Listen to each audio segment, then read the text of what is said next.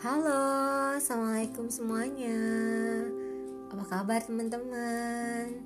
Mudah-mudahan semuanya dalam keadaan yang sehat dan juga dalam keadaan yang baik. Apa ya? Kalau kita lagi bicara tentang sesuatu yang mengingatkan pada sebuah cerita di masa lalu, kira-kira apa yang ada dalam benak teman-teman?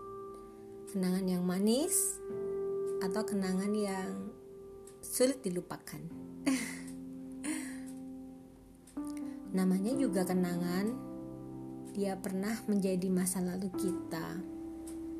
Gak bisa dong ya hidup di masa depan tanpa punya masa lalu. Bagaimana teman-teman bersahabat dengan masa lalu teman-teman?